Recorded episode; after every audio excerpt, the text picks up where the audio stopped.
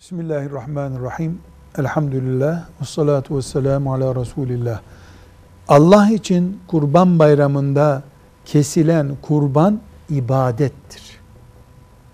İbadet niyetle yapılır ve sahibi tarafından yapılır.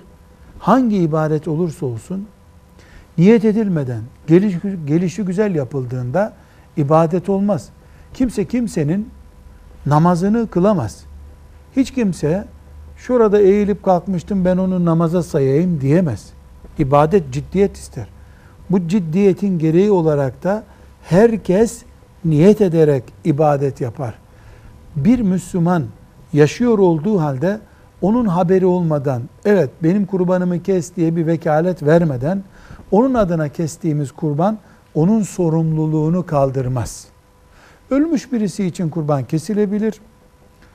Sorulsa da sorulmasa da zaten kurban ona vacip değildi. Ona sevap kazandırmak için de kesilebilir.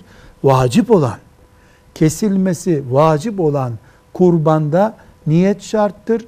Kendisi kesmese bile benim kurbanımı keser misin demesi ya da benim kurbanımı kesebilirsin diye vekalet vermesi şarttır. Velhamdülillahi Rabbil Alemin.